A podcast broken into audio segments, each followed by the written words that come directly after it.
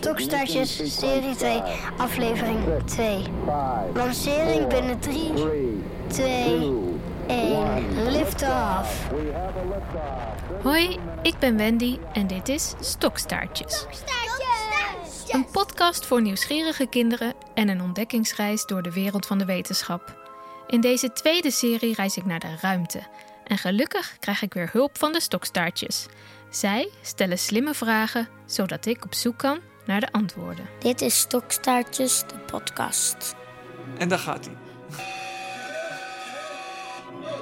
En ik zat daar dus vlakbij. Je ziet hem hier omhoog gaan. Dus ik heb dit filmpje met mijn telefoon gemaakt. Moet je luisteren.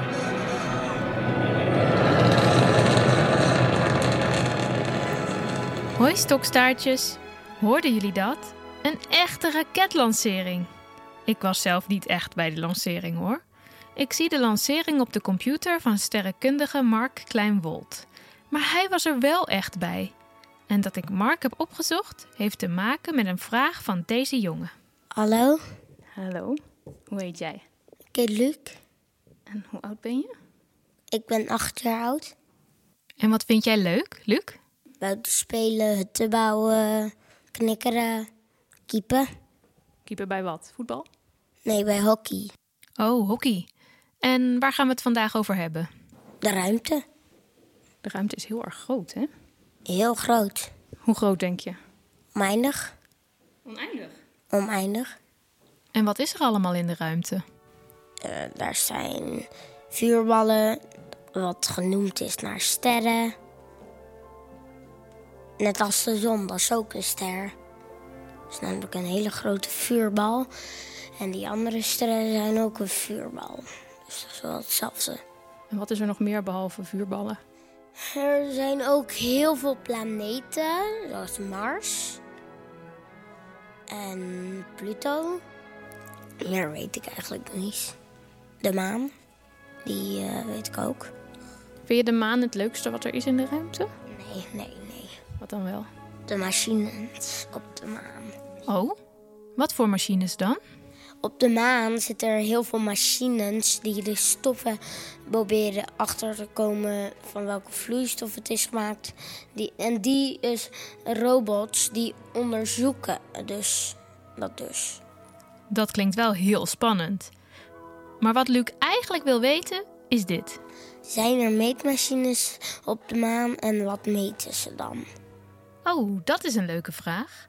Want ik heb laatst een super spannend verhaal gehoord van een wetenschapper die zo'n meetmachine naar de maan heeft gebracht. Of ja, die machine staat niet precies op de maan, maar hangt eigenlijk achter de maan, in de ruimte. Ik heb het over sterrenkundige Mark Kleinwold. Hij is directeur van het Radiolab van de Radboud Universiteit in Nijmegen. Het Radiolab? Wat hebben radio's dan met de ruimte te maken? Nou, de meetmachine die Mark en zijn collega's achter de maan hebben gehangen, is een radiotelescoop. Maar wat is dat eigenlijk? Oh, dat is een, en dat is een goede vraag. Eh, in ons geval is de, is de radiotelescoop eigenlijk niks anders dan een antenne. eh, die bijvoorbeeld op je, op je radio zit, eh, waarmee je signalen kan opvangen. In sommige gevallen zijn radiotelescopen veel groter en ingewikkelder. maar die van ons is eigenlijk best wel heel simpel. Die bestaat uit in dit geval drie antennes. Oké, deze meetmachine is dus eigenlijk een antenne zoals bij een gewone radio. Hij vangt radiostraling op. Maar waarom wil je radiostraling meten voor ruimteonderzoek? lijkt een beetje op luisteren naar het heelal.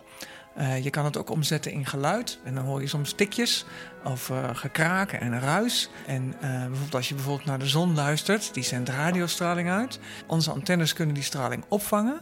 En als je dat omzet naar geluid, dan kan je het horen. En dan klinkt het gewoon een beetje zo, op die manier. Oh, dus bijvoorbeeld sterren zenden deze radiostraling uit. En de meetmachine, de radiotelescoop dus, kan die straling weer opvangen. Luisteren naar het radioprogramma van het heelal. Klinkt cool. We weten nu dus wat voor meetmachine het is en wat hij meet.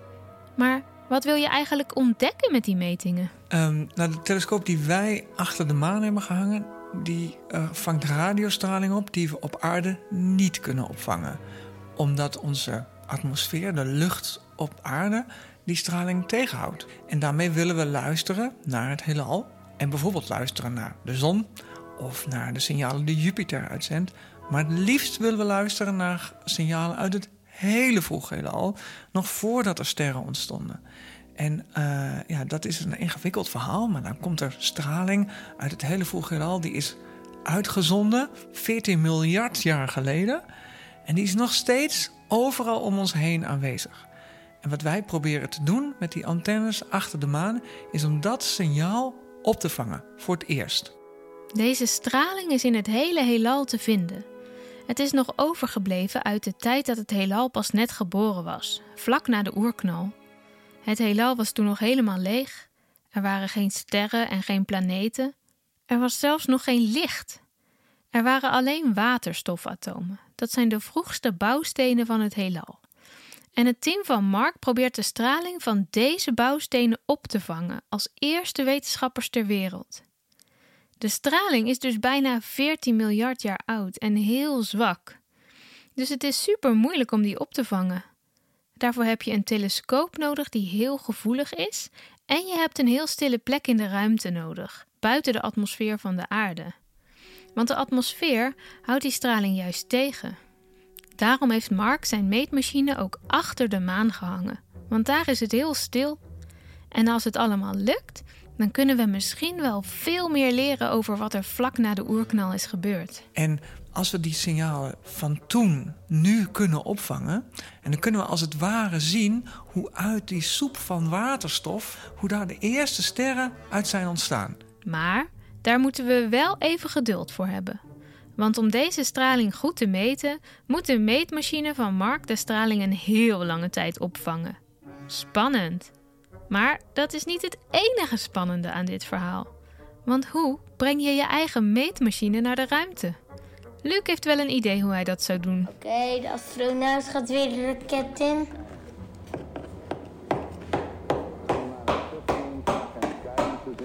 Klimt de ladder op. Oké, ben je klaar om te vertrekken? Vijf, vier, drie, twee, één, nul. Nou, inderdaad, Luc. Zo is dat ongeveer gegaan. Maar wetenschappers hebben natuurlijk zelf geen raketbasis in de tuin. Maar Mark had geluk, want de ruimtevaartorganisatie van China had het plan om een satelliet achter de maan te hangen. En Mark dacht, misschien mag onze telescoop wel meeliften. Ja, we hebben die telescoop hier gebouwd in Nederland. Toen zijn we met die boel naar China gegaan. In het Chinese lab hebben we de computer die onze signalen verwerkt aan de binnenkant van de satelliet gebouwd en de antennes aan de buitenkant. Toen is de satelliet boven in een raket gezet, helemaal in de neus van de raket. En die is uh, weggestuurd naar richting de maan. Aftellen van 10 naar 0. En daar gaat hij. en ik zat daar dus vlakbij. Je ziet hem hier omhoog gaan. Dus ik heb dit filmpje met mijn telefoon gemaakt. Moet je luisteren.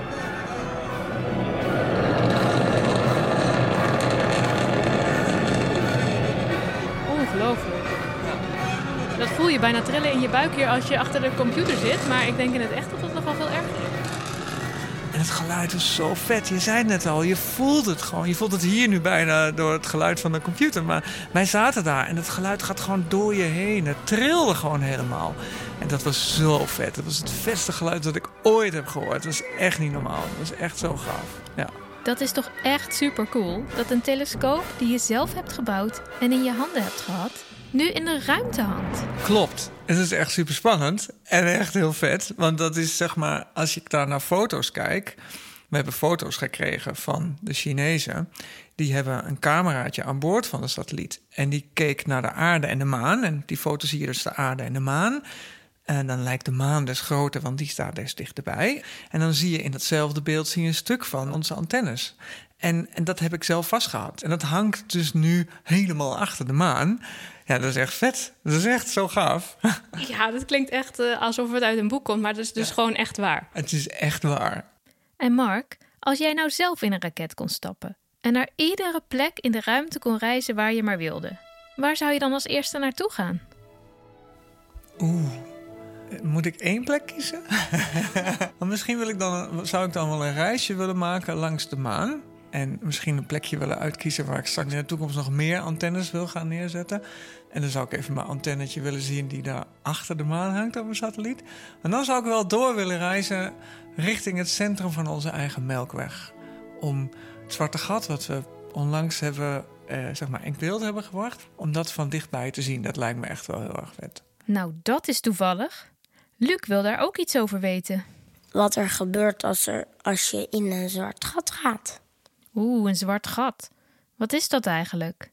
Is dat ook een planeet of een ster? Geen planeet en ook geen ster. Het is een, een, een portaal, lijkt wel. Oh, echt? Een soort poort? En wat is er dan aan de andere kant? Een ander sterrenstelsel. En dat er dan meer planeten zijn die wij nog niet, kennen. Oh. oh, dus zo bedoel jij een portaal? Ja, Ah, nou snap ik het. Nou, we gaan het gewoon aan Mark vragen. Is een zwart gat een portaal naar een ander sterrenstelsel? Ik denk niet dat het een portaal is naar een ander sterrenstelsel. Ehm, ehm, ik, zeg maar, zwarte gaten kunnen ontstaan uit een gewone ster. Nou ja, vaak zware sterren. Eh, als die aan het eind van hun leven komen, eh, dan eh, gaat, eh, ontstaat er een explosie. En in die explosie stort de binnenste van die ster stort in. En die instorting, omdat die ster zo zwaar was, die kan niet gestopt worden. En die instorting wordt oneindig klein.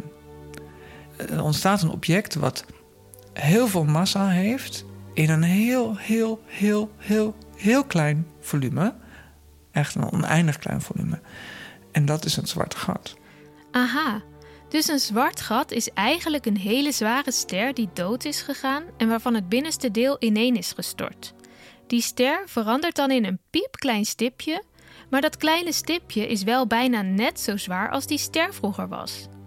Bedenk maar eens hoe zwaar een luciferdoosje zou zijn als je de hele zon erin zou stoppen.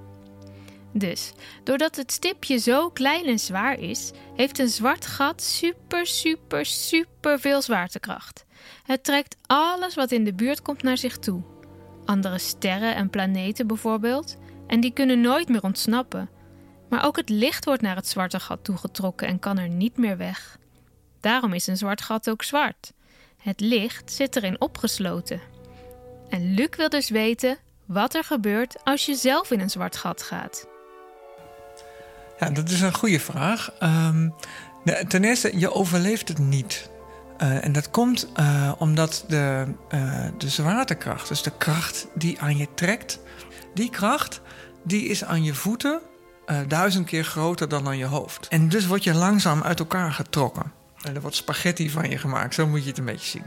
Nou, dat is niet fijn. Maar stel dat je dat wel kan overleven, dan zou je iets heel bijzonders zien. En dat lijkt mij zelf wel heel erg vet. Het licht wordt namelijk door het zwarte gat op allerlei gekke manieren afgebogen. En als je dichter en dichter bij het zwarte gat komt, dan ga je dingen zien die je normaal gezien niet kan zien. Als je dichterbij komt, gaat het licht van achter, achter het zwarte gat langs en wordt terug afgebogen je ogen in. Er is zelfs een moment dat je het hele heelal in één beeld kan vangen. Als je op het zwarte gat zou staan, Stel dat dat kan, dat kan niet, maar stel even dat dat kan. En je zou één kant op kijken, dan zou je je achterhoofd kunnen zien.